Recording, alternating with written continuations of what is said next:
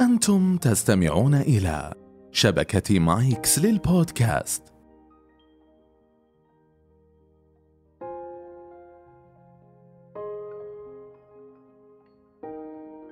يا أهلا وسهلا بالصباحيين والمسائيين من أصدقائي الجميلين. مرحبا بكم في حلقة جديدة من بودكاست كنبة السبت البودكاست الذي يحمل طابع نفسي واجتماعي وفلسفي في أحيان أخرى. سعيدة ومتشوقة لحلقة جديدة معكم أه وأكرر كالعادة امتناني وشكري لهذه المنصة الرائعة منصة مايكس لجعلها هذه المادة مادة ملموسة تصل لكثير من الناس وتنتشر بشكل أوسع. ممتنة مجددا لكم يعني وأخيرا وصلنا إلى المركز الأول في الأكثر استماعا في أبل بودكاست. فسعيدة جدا آه، بهذا المركز لأنه يعني فعليا الكلام بدأ يصل لشريحة أكبر وفعليا بدأ الكلام آه، يغير في نفوس كثيرة رغم أنه كنت يعني متيقنة ومؤمنة أني راضية بتغيير نفس واحدة على الأقل. فهذا الشيء جدا جميل فشاكرة وممتنة لكم كثيرا كثيرا. آه، طبعا قبل لا أبدأ حلقة اليوم حابة يعني الحلقة أصلا اسمها أسف يعني فأنا في من بدايتها أنا متأسفة متأسفة لي ولكم على كل الأوضاع اللي قاعدة تحصل اليوم من رجوع لتسكير الأمور ويعني وضعية جائحة كورونا. لكن دعونا نتفائل ونبعد التشاؤم ونبعد فكرة أن أن سنة 2020 قاعد تكرر نفسها. وطبعا تبدأ كوميديا الشعب آه، تظهر يعني في موضوع أنه قد إيش أن الأمور قاعدة تتكرر وأننا بنرجع لوضعنا السابق. أنا حابة أنه نتفائل أكثر ونكون يعني يقظين أكثر لأفكارنا ومشاعرنا تجاه هذه الجائحة. يعني الحمد لله إحنا طبعا في تقدم كثير عن 2020 قديش العلم وصل آه، في وعي عن هذا الفيروس وقديش قديش وصلنا بالتطعيمات فيا رب لك الحمد يعني بالتأكيد أنه في أمور جديدة ومخيفة وفي مفاجآت ومفاجعات لكن في النهاية إحنا بالتأكيد أكثر تقدم من السنة الماضية فدعونا نتفائل دعونا نؤمن أن بإذن الله القادم أجمل وإنه إن شاء الله آه، إن الأمور بتمشي فوق تصوراتنا وإن كل شيء بيرجع بسابق عهده وأفضل بإذن الله وإن كل شيء يحصل لصالحنا. نرجع لموضوعنا. وبس صح قبل قبل قبل قبل نبدأ في موضوع الأسف والتأنيب بس شيء أخير. بما أن دخلنا في جائحة أرجو أن ما تتكرر الأغلاط الكبيرة والكثيرة اللي حصلت في الجائحة الماضية اللي هو ضغط النفس أنها تنجز وتصير أفضل أفضل مخترع في العالم ولا أفضل طبيبة في العالم ولا أفضل مدرس في العالم في خلال هذه الفترة البسيطة. ضغط النفس بدورات وأشياء وأمور عشان يعتقد أن الواحد أنه بما أنه حجر لازم يكون عصر ذهبي لازم يكون شهور ذهبية. لا أرجوكم خففوا الضغط على أنفسكم ارفقوا على أنفسكم. هذه تعتبر آه، مرحلة نفس المرحلة السابقة تعتبر فيها نوعا ما مشاعر سلبية غصبا عنا لا نقاومها لا نقاومها بالهروب بكل هذه الأمور والضغط على أنفسنا. ارفقوا على أنفسكم وادعوا الله وتفائلوا وبإذن الله الأمور بإذن الله تكون بأفضل حال. أما موضوعنا. موضوع اليوم عن الأسف أو الشعور بالأسف. طبعا أنا ما حتكلم عن شعور الأسف الطبيعي اللي نشعر به لما إحنا نغلط على أحد وأشعر بالأسف تجاه هذا الشخص وتجاه الشيء اللي سويته وأقوم أتأسف وينتهي. لا أنا أبغى أتكلم عن الشعور الغلط زي ما عدتنا دائما. نتكلم عن الأشياء الخطأ حتى نسلط الضوء عليها حتى ندرك قديش هي غلط حتى نفهم إنها غلط. أحيانا قبل لا نوصل للحل حتى يكون ثلاث أرباع الحل في معرفة أنه هذا الشعور أو هذا الفعل غلط وأنه غير صحيح. إيش هو الأسف اللي أنا أبغى أتكلم عنه؟ وليش اليوم بالذات أبغى أتكلم عنه؟ بعد حلقة الاتزان الحلقة الماضية تكلمت عن المنطقة الرمادية بين الأخذ والعطاء. إننا لازم ناخذ بقدر ما نعطي بطريقة متزنة حتى يصير حتى عطائنا جميل ورائع.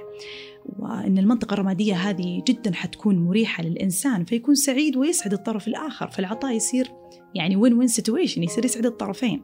كثير من الأسئلة يعني ما فاجأتني صراحة كنت متوقعتها إنه طيب يا أفنان okay إحنا بنعطي بناخذ زي ما نعطي بس لو إحنا نشعر إننا دائما مقصرين لو إحنا دائما مهما خذينا ومهما عطينا ومهما عطينا نشعر إننا مقصرين. لسه أشعر إني مقصر تجاه الآخر أشعر إني مقصرة تجاه أبنائي أشعر إني مقصرة تجاه زوجي والزوج يقول أشعر إني مقصر تجاه والدتي.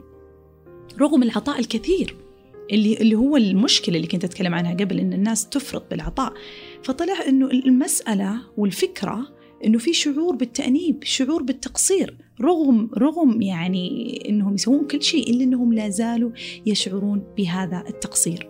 فبعد هذه الحلقة وأيضا في حلقة السلام تكلمت عن إنه كيف لما تبحث عن السلام لازم إنك تبعد تبعد عن المثالية.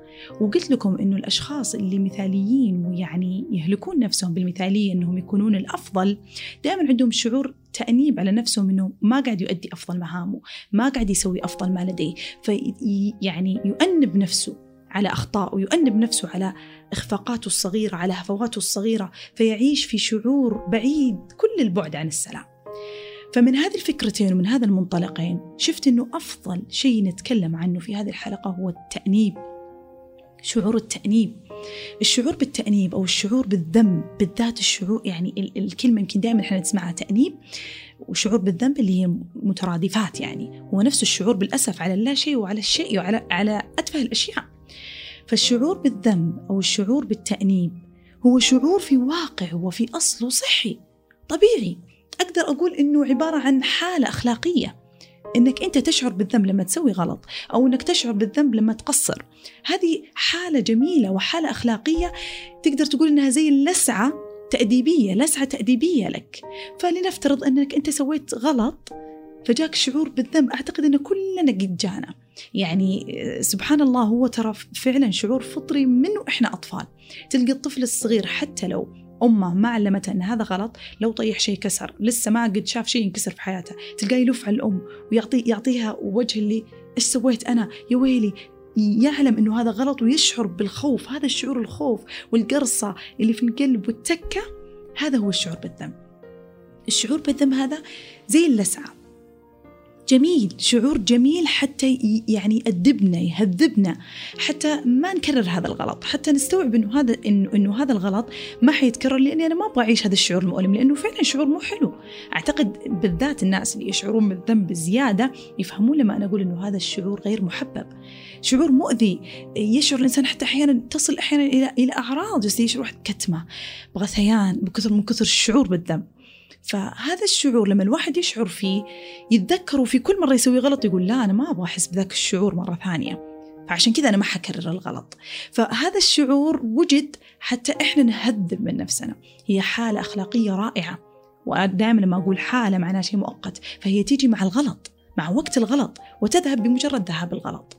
وهذا هو الفكرة منه. وهذا الشعور بالذنب الصحي اللي إحنا نحتاجه في حياتنا. أما الشعور بالذنب اللي هو أقدر أقول أنه عرض مرضي وقد هو فعلا يؤدي إلى أمراض نفسية واضطرابات نفسية اللي هو المبالغة بالشعور بالذنب أو الشعور بالذنب في في في محل في غير محله لأمر غير واقع أو غير ملموس لشيء ما يسوى لشيء تافه لشيء بسيط. هنا الشعور بالذنب على كل شيء وعلى لا شيء وعلى أتفه شيء هذا هنا بالذات يكون عرض نفسي. وهنا بالذات نقدر نقول إنه أحد معايير الأمراض النفسية والاضطرابات النفسية اللي أكبرها وأهمها الاكتئاب.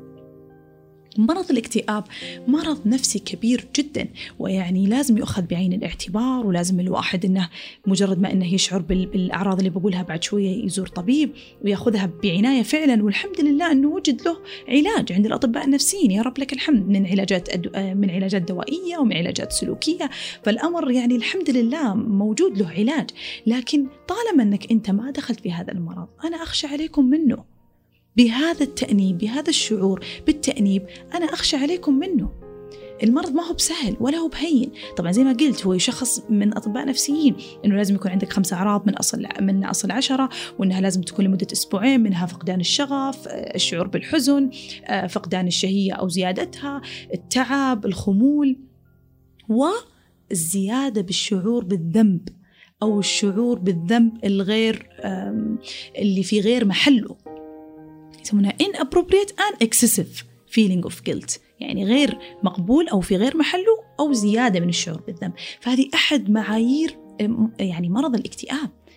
طبعا أنتم بتسألوني تقول أفنان يعني هل هل فعلا شعوري بالذنب على طول على أي شيء وكل شيء ممكن يوديني للاكتئاب؟ أنا ما أقدر أقول لك إن شيء واحد يوديك للاكتئاب. الأمراض النفسية بالذات ما هي زي أي مرض آخر. أقول لك والله ترى الأكل الفاسد بسبب لك تسمم غذائي والتسمم الغذائي هو غثيان و و إلى آخره، لا. المرض النفسي عوامل كثيرة زي ما دائما أقول لكم. في عوامل اجتماعية عوامل جينية وأيضا عوامل زي ما قلت طرق تفكير. منها زي هذه المعايير اللي الإحساس بالذنب هو عبارة عن طريقة تفكير مغلوطة. وفعليا الأطباء النفسيين والعلماء النفسيين لما جو يفهمون الجلت قبل لا يحطونه في معايير الاكتئاب درسوا موضوع الجلت هذا أو الشعور بالذنب. درسوه أنه هل هو مرتبط فعلا بالاكتئاب؟ وجدوا أنه نعم. وجدوا أنه نعم الشعور بالذنب العالي يرهق الجسم ينهكه ويدخل في مرحلة من الاكتئاب. عشان كذا أقول لكم هو لسعة مؤلمة. حلو أنك أنت تكتئب بعد ما تسوي الغلط يعني دقائق ساعات أيام حتى تعيد نفسك وتعيد ترتيب نفسك باعتذار أو بتصحيح غلط أو بتعويض. يعني لابد من الأخطاء موجودة ولابد من شعور التأنيب لكن إذا ما أتبعوا فعل أو ما أتبعوا عمل حتظل قابع في هذا الشعور. اللي هو الشعور بالتأنيب اللي هو يدخلك في دوامة اكتئابية. ومشكلة الشعور بالتأنيب هذا إنه يدخلك في اكتئاب. والاكتئاب يغذي الشعور بالتأنيب. فالتأنيب يزيد والاكتئاب يزيد. فأنت تصير في مرحلة يعني للأسف للأسف تصل في مرحلة يصير من الصعب التراجع. أنا ما أقول إنه ما في علاج أبدا لكن أنا قصدي إنه ما تصعب الأمر على نفسك. فمن البداية افهم هذا المفهوم وادركه عدله حتى لا تدخل في الاكتئاب. وإذا أنت دخلت في الاكتئاب تأكد إن حلك للتأنيب فعليا قد يخرجك من الاكتئاب. لكن طبعا بمساعدة الطبيب إذا أنت أوردي في هذا المرض. فبالتالي إن الشعور بالتأنيب لما إحنا نقول إنها طريقة تفكير مغلوطة، إيش نقصد طريقة تفكير مغلوطة؟ أحد طرق التفكير المغلوطة قد تؤدينا فعلا إلى اضطرابات نفسية، رؤيتنا لنفسنا، رؤيتنا للمجتمع، رؤيتنا للظروف. كل ما كنت أنت أكثر آه، صمود، أكثر قوة، أكثر يعني إيجابية، قد يكون عندك مناعة نفسية أقوى، قد تحمي يعني تحمي نفسك فعليا من كل الأمراض النفسية. بينما كلما كنت أنت أكثر آه، سلبية محيطك أكثر آه، سلبية وأنت ترى نفسك وترى الآخرين بهذا المنظور أنت تسقط نفسك في اضطرابات نفسية. فمن الأشياء من طرق التفكير المغلوطة اللي هي الإحساس بالذنب اللي في غير محله أو الإحساس الذنب بزيادة. يعني مثال مثال عشان نفهم إيش قصدي أنا بإحساس الذنب اللي في غير محله أو الزايد عن اللزوم. في ناس كثير تقول أنا أشعر أني مقصر. أنا اشعر اشعر مثلا أم تشعر انها مقصرة مع أطفالها. تقول أنا موظفة وأنا مقصرة معاهم. أقول لها طيب أنت لما ترجعين البيت تقعدين تتغدين معاهم تسولفين تقول إيه؟ طيب قبل لا ينامون تسولفين معاهم. أقول إيه؟ أقول يعني كم total الساعات اللي قعدتي معاهم أربعة؟ ثلاثة؟ تقول إيه والله يمكن أكثر خمسة. طيب أنت الله يعطيك العافية. أنت ما قصرتي. يعني العلماء يقولون إنه ال quality hour أهم من ال quantity يعني قيمة الساعة مع ابنك أهم من كمية الساعات. يعني أنت لو تكون رب منزل أو انت تكونين ربة منزل وتقعدين من أول ساعة يصحى ابنك إلى آخر ساعة ما هي بأهمية ثلاث ساعات من التركيز مع ابنك. فلما قالوها قالوها إنها من ساعتين إلى ثلاث ساعات وحسبوها إنها الوجبات الأساسية، لو أنت تقعد مع طفلك في الفطور آه، نصف ساعة وتتكلم وتعطي كل الاهتمام وجل الاهتمام له والغداء نفس الشيء والعشاء نفس الشيء أنت مربي ناجح. أنت أحسنت وطول باقي اليوم أنت مو فيه ما عندك مشكلة. فالفكرة هي في ال quality hour فهذول الآباء يشعرون بالتقصير أحيانا يشعرون أنه هو بعيد ويشعرون أنه هو ما هو مع أولاده رغم أنه يعطي ويطلع ويسوي ويسوي كل اللي عليه. أنا ما قاعدة أتكلم عن الناس المهملين اللامبالين أصلا المهملين اللامبالين ما يجي يقول لك أنا مقصر ما يشعر أصلا بالتقصير. لكن أنا أقول لك أقول لكم على الأشخاص اللي يشعرون إنهم بزيادة بزيادة يعني مقصرين رغم إنهم قاعد يسوون كل اللي عليهم وزيادة. فلما أجي أقول إنه أنت تقعدين مع ابنك تقول لي إيوه فأقول لها أنت ما قصرتي؟ تقول لا أنا أحس إني مقصرة دائما. ابنها يفشل في شيء بسيط في مادة معينة. تقل درجاته في في يعني في في مادة معينة. يفشل في شيء معين تقول بسببي. أنا مقصرة. أنا أنا غلطت بحق أبنائي. أنا ما أعطيت أبنائي يعني الوقت الكافي. أحيانا تهضم حقها. هي ما ما تطلع ما تسوي. تقول لا أنا عندي أبناء. أنا لازم أقعد معاهم. رغم أنها هي برضو إنسانة حتى لو هي أم هي لها الحق أنها تعيش وتنبسط وتسعد توازن تستطيع أن توازن لكن لا هي بتشعر بتقصير حتى وهي مع زميلاتها أو حتى وهو مع زملائه يشعر أنه أنا أو المفروض أني أنا مع أمي المفروض أني مع أمي التعبانة والزوجة المفروض أني أنا الآن مع أبنائي. ففي شعور حتى في وقت الفرح في شعور أنه أنا أنا قاعد أذنب رغم أنه هذا شيء من حقه. فمن هنا نعطي تعريف للشعور بالذنب. الشعور بالذنب أحيانا يكون بسبب فعل أنت تفعله أحيانا بسبب فعل أنت لم تفعله كتقصير يعني واحيانا يكون بسبب فكرة أنت فكرت فيها أحيانا يكون بسبب فكرة عابقة في يعني آه، آسفة قابعة في رأسك واحيانا تكون بسبب شعور أنت قاعد تشعر وهو من حقك زي الشعور زي ما قلت الشعور بالحزن الشعور بالفرح الشعور بالفرح لما يكون أحد عندك آه، تعبان يعني وهذه قد صارت. قد صارت جاني مرة مريض مصاب بالاكتئاب وكذا وكانت أحد أسباب يعني أو أحد أعراضه الكبيرة إنه الشعور بالذنب القوي عنده. فمن الكلام معه قال لي إنه إنه يعني ما هو قادر حتى يسعد في أوقاته مع أصدقائه. فليه يا فلان أنت مو قادر؟ ليه مو قادر تنبسط مع أصدقائك وكذا يقول أنا ماني قادر أطلع حتى ليه؟ والدتي تعبانة يقول لي إنه عندها مرض عضال الله يشافيها ويعافيها ومرض مرة مؤلم منظرها وكذا وما أتخيل إني أنا أطلع وأفرح أو أضحك وأمي بهذه الحالة. فسألت أمك بهذه الحالة كم سنة؟ قال سنتين وداخلة في الثالثة. اذا ثلاث سنوات هو قاعد يعيش بشعور تأنيب شعور تأنيب إنه يضحك ويفرح بينما أمه تعبانة. البعض قد يقول يعني قد يقول إنه واو تصرف نبيل هذا إنسان بار. لكن هذا غير صحيح. هذا غير صحيح. إنك أنت تفعل الصح لها إنك تقضي وقت معها إنك تساعدها في مواعيدها إنك تسمع لها إنك تنصت لشكواها إنك تعطيها تتصدق عنها تدعي لها هذا هو البر. أما إنك تعيش مشاعرها وتدخل في حياتها هذا غير صحيح وغير صحي حتى لها. إن كنت تعتقد أن هذا الشيء يسعدها فهو قاعد يثقل عليها أكثر. أمك الآن قاعد تشعر بتأنيب تأنيب من حقها أن تشعر به. إنها إنك أنت تعيس بسببها. هذا من حقها أنها قاعد تشعر به. وأنا لما قلت الكلام لهذا الفتى يعني كان إدراكه للموضوع جزء من الحل. فالإدراك الأهم أنك أنت يا فلان لو تدرك أن أن ذهابك لأصدقائك والفرح والسعادة لمدة ثلاث ساعات في اليوم ساعتين في اليوم حيرجعك بطاقة تشحن طاقتك تشحن طاقة العطاء تشحن طاقة الحب فترجع لوالدتك بحب وطاقة عطاء هي تستمد القوة منها. لكن لو أنت قعدت وتشعر بالاكتئاب معاها والكآبة أنا أنا ما أحكم على هذا الشخص. أنا أعرف وأفهم فكرة آه، أنه يكون عندك قريب ويعني والدتك كمان يعني شيء كبير يكون قريب ويكون تعبان جدا فصعب أن الإنسان آه، يعني يشعر بالسعادة. وأنا ما أقدر أني يعني الله يحفظ أمهاتنا وأمهات المسلمين ويشافي كل مرضاهم ويرحم كل أمهات المسلمين المتوفى منهم. يعني صعب أن الواحد يتخيل أنه يضع نفسه في موقف هذا الإنسان. لكن لما تستمر المدة إلى هذا الزمن أنت تعرف أن في شيء غلط. أنا ما أقول لك شهر شهرين تنعزل عن الناس ثلاثة شهور عشان تعب والدتك. أتفهم الصدمة أتفهم الحزن اللي أنت فيه. ودائما أقول لا تقاوم هذا الشعور. بالعكس احزن وانعزل وكل شيء. لكن ثلاث سنوات أنت مو قادر تاخذ لحظات الفرح فيها وتسعد فيها بسبب شعور تأنيب أن والدتك متألمة هذا غلط. هذه قصتها الخاصة. هذه حياتها الخاصة. هذا سيرها الخاص. هذا ابتلاءها الخاص. وهذه أبدا ما هي أنانية. أنت تدعي تعطي تساعد تفهم تتفهم تنصت آه، آه، تعطي تسولف تعطيها من وقتك لكن أبدا ما تنسى حياتك. وكثير من اللي يسمعوني الآن إذا عندكم أحد تعبان في البيت عندك قريب جدا تذكر إن إنك لما تعطي نفسك حقها هذا جزء من حبك للآخر لأنه حتشحن طاقتك حتكون مليان حب وعطاء حقيقي يصل للشخص الآخر. لأن العطاء اللي عن شعور ذنب عن شعور تقصير لا يصل للطرف الآخر بقدر العطاء عن حب. العطاء وأنت مشحون بطاقة حب. فالفكرة أن الشعور بالذنب قد يكون زي كذا قد يكون بسبب شعور أنت تستحقه. وأنت تعتقد إنه مبرر. يعني زي هذا الإنسان أو هذا المكتئب كان يعتقد إنه مبرر إنه متأكد 100% إنه من حقه انه إنه آه لا يشعر بالفرح لأن أمه تعبانة. فيقول لي كيف كيف أشعر بالفرح؟ فهو يعتقد إنه فعليا فاحيانا بعض المرضى أو بعض الأشخاص اللي يشعرون بالتأنيب يكونون مدرك ما يكونون مدركين آسفة ما يكونون مدركين إنه هذا الشعور مبالغ فيه أو أن هذا الشعور مغلوط ما يدركون هذا الأمر تماما. والبعض للأسف يدرك يقول أنا الشعور بالتأنيب هذا يقتلني أنا الشعور بالتقصير يقتلني بس أنا ماني قادر وأعطي في نفس الوقت لسه أحس إني مقصر ما أدري وين أبغى أروح.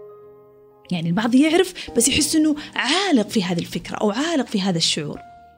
فبالتالي نفهم من هذه الفكرة أن هي طريقة تفكير مغلوطة. لما أقول طريقة تفكير مغلوطة إذا هي ما هي طبع. لا تقول لي طبعي. لا تقول لي والله إحنا متعودين كذا أنا أحرق في نفسي. أنا على طول ألوم نفسي. أنا على طول لا لا لا, لا هي طريقة تفكير مغلوطة وهذه الكلمة تعطيك أمل وتعطيك أمان إنها من السهل تغييرها. يعني قصدي من السهل تغيير الفكرة لكن البروسيس طريقتها ممكن تاخذ وقت.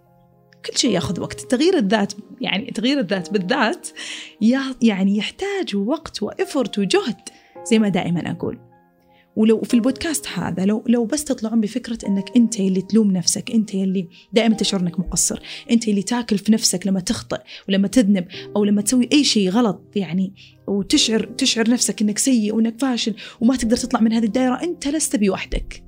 هذا لو تطلع من الحلقة اليوم بس بفكرة إنك أنت لست بوحدك، كثير يشعرون بهذا الشعور، طبعا كلكم غلط يعني لكن قصدي إنه كثير زيك. لا تعتقد إنك لحالك لا تعتقد إن هذا طبعك هذا لا لا لا كثير زيك فبالتالي الكل اللي اللي يعاني من هذا الشيء لازم تدركون الإدراك الثاني اللي هو إنه هذا له حل. وإنه في الحقيقة كل شخص يشعر بتأنيب هو شخص غير سعيد. عادة هو شخص غير سعيد. ما يقدر أصلا يصل للسعادة لأنه دائما يشعر أنه هو بحاجة لفعل شيء هو بحاجة لتصحيح شيء. حتى لو هو ما كان مسوي غلط أو حتى الغلط هذا من زمان الزمان يعني. وهذا اللي يحصل. ولذلك الحلول في هذه الحلقة ما حتكون حلول زي ما دائما أقولها. الحلول دائما إذا كان الشعور بالتأنيب هذا زايد زي ما قلت مبالغ فيه في غير محله هذا عبر أخصائيين نفسيين العلاج لازم لأنك تر لأن في بعض الناس يكون شعورهم بالذنب عن ذنب فعلوه قبل سنين. ويقعد قابع فيهم. يقعد قابع فيهم وينهكهم جسديا ونفسيا وروحيا وزي ما قلت أحيانا يدخلهم في اكتئاب. وبالفعل أحيانا الشعور بالتأنيب حتى قد يصل بك إلى أعراض جسدية. بعض يشعر أنه مخنوق بعض يشعر أنه في ضيقة صدر في تكة في قلبه ما هو قادر يطلع منها. مشاعر سيئة جدا جدا تأتي للتأنيب. وأنا أقول أن الشعور بالتأنيب جميل لما يكون يتبع فعل. لكن لما يكون غير واقعي لما يكون في غير محله لما يكون زيادة هنا أنت تقول ستوب الأخصائيين النفسيين والعلماء النفسيين لما جو يتكلمون عن الشعور بالذنب أعطوه تعريف يعني جميلة جدا. كانت منها أنه عبارة عن مجموعة من المشاعر السلبية وإيمان بمسؤولية زائدة مسؤولية زائدة مفرطة مسؤولية مفرطة تجاه الأحداث السلبية من حوالينا. يعني هو شعور بالمسؤولية زايد. هو مرة مفرط. لا تحس بمسؤولية تجاه آه، الأشخاص الآخرين بهذا القدر لا. صح أنت أطفالك أنت مسؤول عنهم زوجتك أنت مسؤول عنها زوجك أنت مسؤول عنه أمك أنت مسؤول عنها لكن مو بهذا القدر. أنت مو مسؤول عن كل مشاعرهم أنت مو مسؤول أنك أنت آه، تسعدهم أو أنك أنت ما تغلط أبدا معاهم. لا عادي. أنت بتغلط بتعتذر بتمشي الحياة. أنت بتعطي ما بيرضون بالكامل عادي. طبعا أنا أحيانا ما ألوم ما ألوم بعض الأشخاص في الوصول يعني وحتى في كل هذا البودكاست اليوم. أنا مو جاية هنا أنا أهزئكم ولا أأنبكم فوق التأنيب اللي عندكم. مو جاية أقول لكم أنتم لماذا تشعرون بهكذا أنا متفهمة إن هذا الشعور بالتأنيب مو أنتم خلقتوه في نفسكم وأنتم ما تبغونه وأنتم تشعرون إنكم عالقين فيه وأنتم كارهينه وأنتم تبغون تتحررون منه. فأنا اليوم أبغى أقول لكم انه إنه يس ممتاز هذه الرغبة ممتازة. وأنا أبغاكم تكملون بهذه الرغبة بطلب المساعدة. ونتذكر إنه طلب المساعدة والرغبة في التغيير ليست كل شيء الإرادة هي اللي كل شيء. فأطلب المساعدة وتأكد إن مع المساعدة انه يكون معك إرادة حتى تطلع هذا التأنيب من جواتك. فأرجع أقول أنا ما ألومكم مو أنتم اللي وضعتوه في أنفسكم. عاده عادة شعور التأنيب يكون بادي من الطفولة. عادة يكونون يعني وترى على فكرة يعني يعني على طار الطفولة من تحت عشر, عشر سنوات من عمر عشر سنوات وأقل من الطبيعي جدا أن الإنسان يكون عنده شعور تأنيب عالي. من الطبيعي جدا. يعني وهذه في الدراسات أن أن وعي الطفل ينمو ببطء. فمن عشر سنوات وتحت الطفل لسه يكون عنده اللي يسمونه اللي يعني ال concrete thinking اللي هو آه، الشعور أو الفهم الأمور بطريقة سطحية جدا. يعني كيف؟ يعني طاح القلم بكت الأم يقول أنت بكيتي عشان أنا طيحت القلم. يعتقد أنه كل العالم يتمحور حوله. يعتقد أنه كل الأشياء السلبية اللي تحدث بسببه يتهاوشون الأم والأب يقول بسببي. عشان كذا دائما حتى يقولون في الانفصالات وفي الطلاق إنه لازم يتفاهمون مع الطفل إنه الطلاق لم يحدث بسبب الطفل لأن الطفل يلوم نفسه أول شيء. يقول ماما وبابا انفصلوا عشاني ماما وبابا قاعد يتهاوشون عشاني. فالطفل متوقع منه الطفل متوقع منه جدا. متوقع إنه هو يعني يشعر بالتأنيب ويشعر إن كل الأحداث السلبية اللي حوله حدثت بسببه. وهو محور الكون يعني. فلكن بعد عشر سنوات وزي ما قلنا المنطق عنده جدا ضعيف وشعور بالذنب يكون عنده عالي. بعد عشر سنوات لا يفترض أن يكون هذا الشيء لأن نبدأ إحنا المنطق عندنا يكبر والوعي عندنا يزداد بطبيعة الحال. فنفهم أنه لا أنا لما طيحت القلم طاح القلم في الأرض أمي لما بكت هناك أو الشخص اللي بكى هناك بكى على شيء آخر. يصير عندنا systemic way of thinking اللي هي طريقة طريقة التفكير آه، يعني اللي ماشية على سيستم ماشية بنظام معين فأعرف إنه هذا منفصل عن هذا هذا منفصل عن هذا. طيب اللي يحسون بالتأنيب ليش يكمل معهم كذا التأنيب؟ عادة يكون بسبب التربية. يكون مثلا الوالدين مليانين تأنيب. يلومون كثير. انت انت كسرت كذا لأنك انت مشاغب لأنك انت كذا. كسرت أصلا أنت كل يوم تكسر. أصلا أنت كل يوم كذا. أنت أخوك شوف كيف بكى منك أخوك. فالتانيب الزايد للطفل حتى لو كان هو فعلا مشاغب أو فعلا سوى شيء غلط يشعر الطفل إنه دائما هو الخطأ. يشعر الطفل إنه هو دائما المسؤول عن كل الأشياء السلبية اللي قاعد تحدث. فطبعا التعامل مع الخطأ إحنا يعني ما بندخل في كيفية تربية الأطفال ولا أني أنا مختصة في هذا الأمر لكن بشكل عام أن آه، يعني التعامل مع الخطأ مع الطفل احتواء الخطأ تفهيمه أو محاولة آه، يعني إرسال رسائل لهذا الطفل إنه هذا الأمر غلط وانه انه بعدين إصلاح الغلط سويا. فنيجي نقول لما كسرت القزاز أنت كنت ممكن تؤذي نفسك تدري؟ طيب يلا معليش يلا نجيب مكنسة يلا نكنس مع بعض ونكنس مع بعض ونشيلها الله خلصنا الغلط الغلط راح تماما. ففكرة الأمان لما تعطيه للطفل إنه لما أنت كنست القزاز الغلط راح تماما. الطفل ما يحتاج يعرف إنه في عواقب لسه بدري عليه. لما أنت تريحه بهالطريقة إنه شفت لما أنت كنست الخطأ راح تماما ولا كأنك سويته. يعطي الشعور الطفل بالأمان إن أي خطأ ممكن يسويه في حياته قد يصلحه وقد يعيش بأمان وراحة إنه الله صلحت الغلط كل الخوف والتأنيب راح. هذا المطلوب هذا المطلوب في التعامل مع الأخطاء مع الأطفال. فبالتالي التأنيب الزايد واللوم بزيادة وعدم التعامل مع الخطأ بالطريقة الصحيحة والتأنيب المضاعف يجعل الطفل زي ما قلت يكبر وهو دائما يشعر أنه أنه يعني من المتوقع أن كل الأخطاء اللي بيخطأها في الحياة بتكون بسببه وأنه من الصعب جدا آه، الخروج من هذا الشعور اللي هو المليان تأنيب أيضا من الأسباب الأخرى في الطفولة اللي هو إعطاء الطفل مسؤوليات كبيرة جدا مسؤوليات فوق احتماله. زي مثلا كثير من الأمهات والأباء الطفل عمره تسع سنوات أو طفل عمره تسع سنوات اهتم بأخوك اللي عمره ثلاثة أو أربعة. لا خليه يتعلم خليه يتعلم مسؤولية خليه يتعلم رغم أنها ليست في سنه. وليست صحيحة. أنا ما أحكم على تربية الآباء أو, الأمهات كل واحد على راحته. وأرجع أقول أنا ماني مختصة في موضوع التربية أو موضوع الأطفال لكن أنا أقول لكم أسباب وجود الشعور بالذنب لما يكبر الشخص. فلما يجي الطفل يجي الطفل عنده مسؤولية كبيرة يصير دائما يشعر أنه أي خطأ أخطأ أخوه الصغير هذا أبو ثلاث سنوات يشعر أنه ذنبه لأنه هو المسؤول عنه. طب هو فوق إمكانياته. فيصير يشعر بالذنب منه هو صغير لأنه تحمل مسؤولية كبيرة. لما يكبر هذا الطفل يعني خلاص الأم ما عاد تأنبه زي زمان فيصير يأنب نفسه. ونفسه هذا الطفل اللي كان مسؤول عن أخوه الصغير لما يكبر المسؤولية راحت ما عاد هو عنده طفل صغير يصير هو دائما يشعر بمسؤولية تجاه أفعاله تجاه أخطائه تجاه أخطاء الغير حتى تجاه أخطاء أصدقائه تجاه يشعر بالذنب من أجل الجميع. فيصير دائما يشعر بهذا الشعور اللي مليان تأنيب. فعادة يكون بسبب الطفولة فأرجوكم لا تلومون نفسكم أن عندكم هذه السمة أو أن عندكم هذه الخصال من شعور تأنيب زايد لا تلومون نفسكم هي من التربية. مو أنتم زرعتوها في نفسكم أنا عارفة. ولا تبغونها وتبغون تتحررون منها أنا متأكدة. لكن زي ما دائما أقول إحنا ما نكون ضحايا تربيتنا. إحنا ما نكون ضحايا طفولتنا. الأمر طالما أنه قابل للتغيير إحنا نغيره.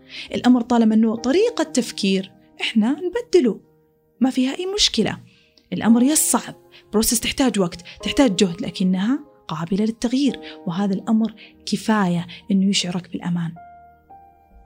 طيب بعض الناس يقول لي طيب يا فنان إنه أنت لو تقولي لنا شيل الشعور بالذنب يعني لازم إنك تعرف إنك أنت عادي تغلط ولما تغلط آه ترى بتصلحه والغلط تماما بيروح بمجرد ما إنك تصلحه وتقرر إنك ما تعيده. طيب يا فنان كأنك تقولين يعني إنه غلط إن إحنا نقول خلي عندك ضمير حي. هنا أنا أبغى أفرق. أبغى أفرق بين الضمير الحي وبين الشعور بالذنب اللي بين قوسين اللي هو جلد الذات والقسوة على النفس. الضمير الحي يكون دائما على مبادئ وقيم وأخلاقيات على أشياء كبيرة. يش الواحد لازم يكون عنده ضمير حي إنه ما يكسر مبادئه ما يكسر أخلاقياته ما يكسر كبائر في الدين ما يسوي هذه الأمور. فعنده ضمير حي والضمير الحي دائما يكون بفعل إما بكبت يعني إنه يعني يمسك هذا الشر أو إنه بخير بفعل خير يفعله. هذا هو الضمير الحي. الضمير الحي إنك لما تشعر إن الفقراء تعبانين وإنت إنت غني أغناك الله تقوم تتصدق. هذا الضمير الحي. أما التأنيب في الجهة المقابلة إنه يا الله اللي إحنا في نعمة وخير وهذولاك مساكين يا يعني ما عندهم أكل ما عندهم قطرة. هذا التأنيب. فهمتم؟ التأنيب هو شعور وحالة غير صحية. الضمير الحي هي حالة تجعلك تتقدم تجعلك تفعل تجعلك آه، تتصرف تجعل أصلا سلوك. اللي عنده ضمير حي دائما إحنا نقول والله هذا عنده ضمير حي. سمة تعتبر سلوك وسمة. أما التأنيب هو شعور داخلي مستفز ومتعب ومنهك. فلا مقارنة. الشعور بالتأنيب دائما ما يتبعه عمل.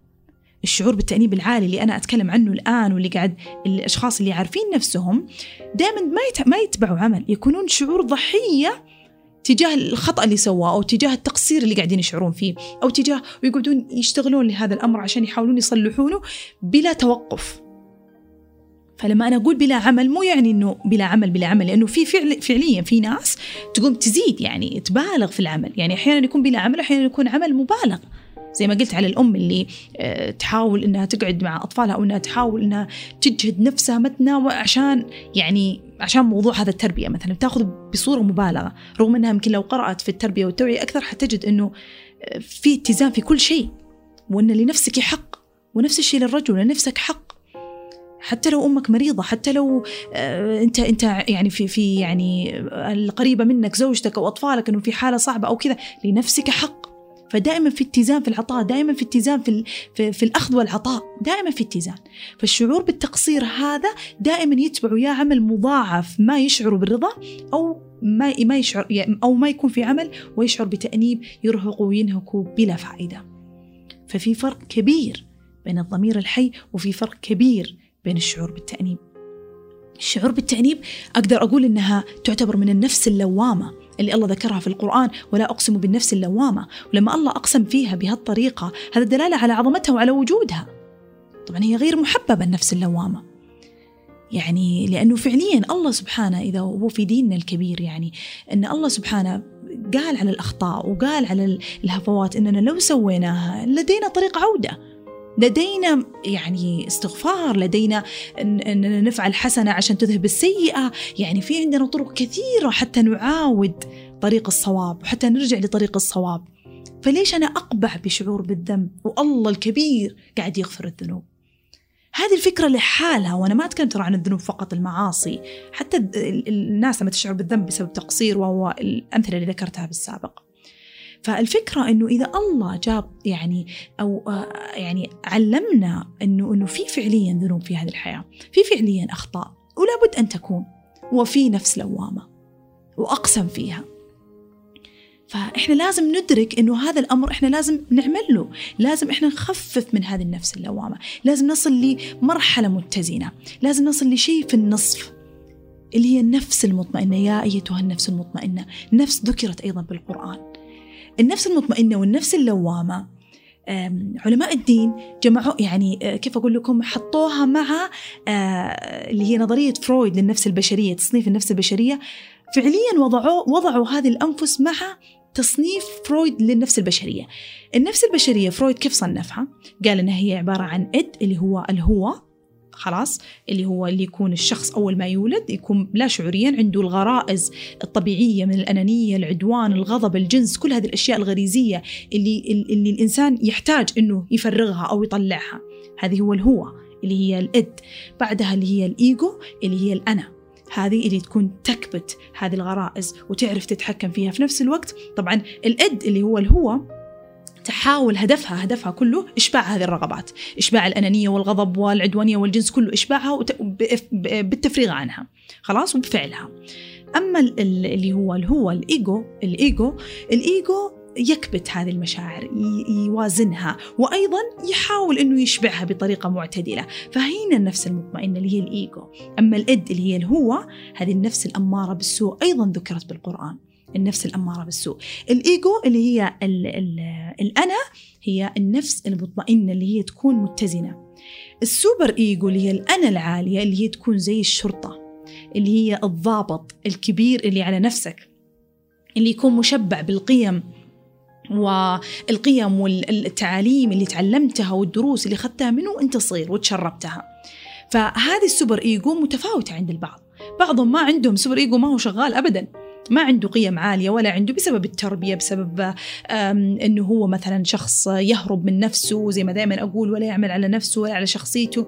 فما يعني ما عنده هذيك القيم العالية للأسف. رغم أن هذه التصنيف البشري هذه عندنا كلنا. لكن في وحدة أقوى من الثانية عند كل شخص ومدى تحكمه بنفسه. فمثلا في بعضهم اللي هو اللي هي الإد اللي هي حقة الرغبات وهذا بعضهم فالتينها. فما في إيجو يتحكم فيها.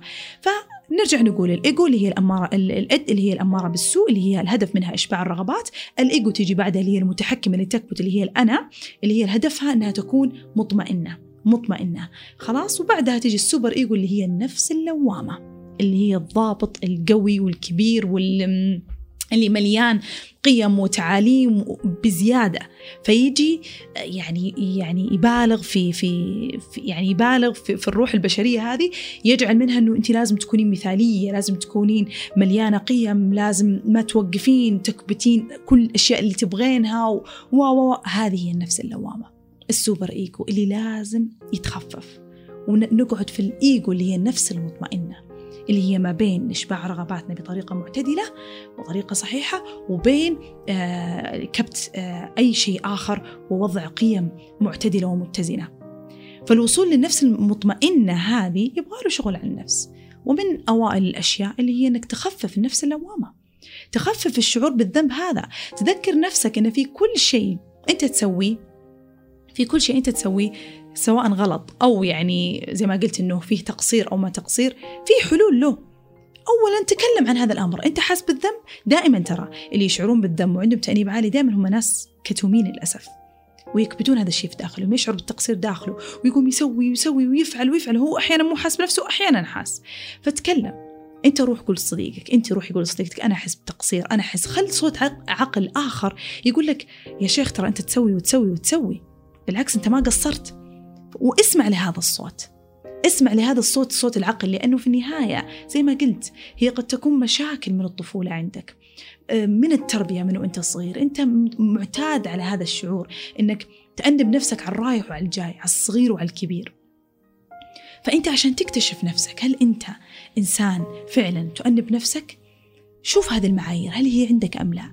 هل أنت بزيادة إنسان تشعر أنك مسؤول بزيادة على الآخرين أو تشعر أن مسؤوليتك تجاه الآخرين مفرطة؟ هنا أنت اعرف أن أنت عندك إشارات أنك تقول أنك أنت من النفس اللوامة هذه. برضو تأكد أنه أنت لما لما هل لما أنت تذنب أو تسوي ذنب سواء معصية أو ذنب آه، مثلا أذنبت في صاحبك أنك زعلته أو في صديقتك زعلتيها أو مثلا تشعر بتقصير تجاه أمك رغم أنك أنت تقعد معاها وتعطيها وكذا بس تحس أنها يعني إنها يعني مو راضية عليك. ومن هذه النقطة يعني أنا أقول إن بعض الوالدين أيضا حتى لما نكبر للأسف في الابتزاز العاطفي اللي تكلمت عنه بالسابق إنهم يزيدون من شعور التأنيب للأبناء. يعني زي ما يقول علي رضي الله عنه يعني إنه ساعدوا ابنائكم على يعني بركم. يعني عاونوا ابنائكم على بركم بانكم ما تطالبون كثير وما تأنبون كثير. الإبن يعطي بقدر استطاعته. فما هي المسألة هي كلها كل الحياة لازم تكون متجهة تجاه الوالدين أو تجاه أبنائك ترى حتى أنت لك حق. فتعطيهم بمقدار. ويجب على الوالدين إنهم يفهموا هذا الشيء أيضا. مهم جدا إنهم يفهموا إنه ما يأنبون. والله ما عاد شفناك والله ما أدري إيش والله كذا والله شوف أخوك والله شوف ما أدري إيه. فمهم جدا إن الوالدين يعاونون أبنائهم على هذا الأمر بيخففون من التأنيب. خصوصا لما يكون فعلا يعني عادة أصلا ما يكون الإبن مقصر. ممكن يكون مختلف عن أخوه يكون أكثر انشغال يكون أكثر تعب لكن يعني الحياة مختلفة أيضا. فما ألوم أحيانا لكن أيضا أنت انتبه لهذا الأمر. أنت تشوف أن أمك أو أبوك يأنب زيادة أن زوجتك تأنب بزيادة أن أطفالك يطالبون بزيادة تأكد أن مو دائما الغلط منك. نفس الشيء مو نفس الشيء الكلام لكن مو دائما الغلط منك. أحيانا يكون في مطالب أكثر من الخارج. أنت مالك علاقة أو أنت مالك علاقة فتأكدوا من هذه الأمور بطلب المساعدة بالحديث عنها. فلما تشوف إنك أنت عندك مسؤولية مفرطة تجاه مشاعر الآخرين إنك تبغى تسعدهم تبغى تعطيهم تحس إنك أنت اللي مسؤول بالكامل على سعادتهم ورضاهم تأكد إنك أنت حتكون من النفس اللوامة اللي تدوم نفسها بزيادة. وإنك أنت لما تشعر بالذنب وتصلح الذنب لا زلت تشعر باكتئاب اعرف إنك أنت من النفس اللوامة. أنا لا يمنع إنك تشعر بساعات أحيانا أيام بالشعور بالذنب لكن إذا استمر اعرف إنه لا أنت لازم توقف هنا. أنت قاعد تحس بالذنب يعني مبالغ فيه. لأنه زي ما قلنا يعني اذا إذا حتى الدين في المعصية الله وجد التوبة كفعل. يعني الله التوبة هي فعل. إنك تتوقف عن فعل الشيء وما عاد ترجع له. اذا هي فعل فقط. ما يحتاج إنك تتكمل بالشعور بالذنب. أنا أذنبت سنة سنة جدي وأجي أنا لسه زعلان على هذا الموضوع ولسه مأنبني. فمهم جدا إنك إذا أنت تشعر إنك قابع في هذا الشعور أطلب مختصين. الأخصائيين النفسيين في العيادات عندهم مقاييس كاملة مقاييس خاصة بالشعور بالذنب. مقاييس خاصة بالشعور بالذنب. يشوفون إلى أي درجة أنت قاعد تشعر بالذنب. طبعا أنا ما أقدر أقدر لكم ولا أقيم لكم إلى أي درجة الشعور بالذنب هو مغلوط. أو مثلا والله في درجة معينة إذا أنت وأنت وكذا وكذا وكذا أنت تعتبر شعورك غلط وهذا هو الشعور الطبيعي. لا كل واحد يقيسها مع نفسه. أنا بلغتكم إنه هي إذا أخذت أيام معك وأنت لازلت تشعر أنك مكتئب رغم تصليح هذا الغلط رغم مشي الموضوع. وأنت مثلا أنك أنت تعطي وتشعر أنك قاعد تعطي كثير ولسه قاعد تحس أنك مقصر اعرف أنه هذا الشعور بالذنب غير حقيقي أو غير واقعي. وأيضا دع الآخرين مقربين منك لأنهم حيعرفونك يعرفونك زين. دعهم يحكمون. ساعدهم بالحكم عليك خصوصا المقربين منك. ساعدهم بالحكم على الموضوع بالحكم على هذا الأمر ككل يعني. فمهم جدا إنك تدرس نفسك هل أنت من هذه النفس اللوامة أم لا؟ هل أنت من هذه المعايير أم لا؟ يعني إنك مسؤول زي ما قلنا وإنك أنت أيضا تشعر بالاكتئاب بمجرد ما إنك تفعل حتى بعد التصحيح وأيضا إنك تشعر إنك دائما قابع بشعور الذنب هذا تشعر إنك منهك تعبان دائما تحس إنك مقصر دائما حتى حتى الفرح شفتوا اللي يقولون اللهم اكفنا شر هذا الضحك يعني هذول الناس هذول الناس مليانين تأنيب يشعرون إنهم ما يستحقون إنهم يضحكون أو يفرحون. فيقولون لا يعني ليش؟ يعني يجيهم مشاعر غريبة جدا ما توصف يعني ما أقدر أوصفها أحيانا لكن هم عارفينها وأنتم اللي تسمعوني عارفينها.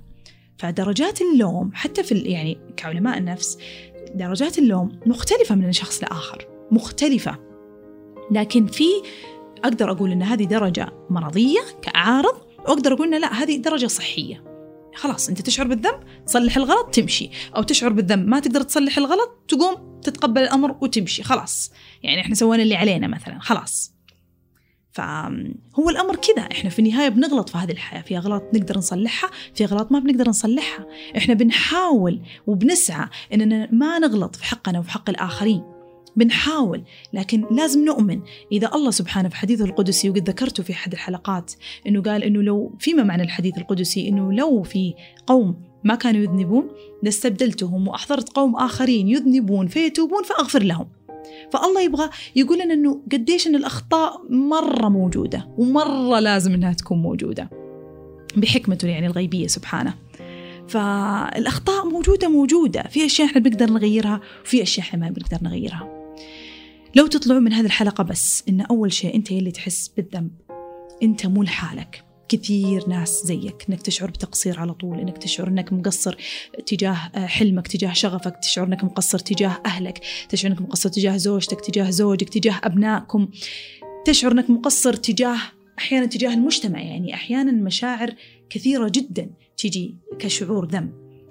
لو تدري بس إنك أنت أو تدرك فقط إنك أنت مو لحالك. كثير آخرين زيك يشعرون بنفس شعورك. وهذا دلالة على أن يعني موجودة. ويكفي أن الله أقسم فيها ولا أقسم بنفس اللوامة. يعني هذا الشيء موجود. إدراكك أن فيه الجميع موجود قد يخفف من الشعور هذا.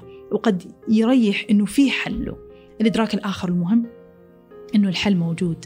إذا كان شعورك بالذنب لم يختفي بعد هذه الحلقة بس بمجرد إدراكك لأن فعليا أحيانا بعض المواضيع فقط بمجرد تسليط الضوء عليها تجعلك تفهم إنك أنت في مرحلة مغلوطة أو إنك أنت في شعور غلط وتطلع منه بسهولة. واحيانا لا يكون الشعور لا والله له سنين وزي ما قلنا من التربية فيحتاج وقت أكثر فتطلب المساعدة.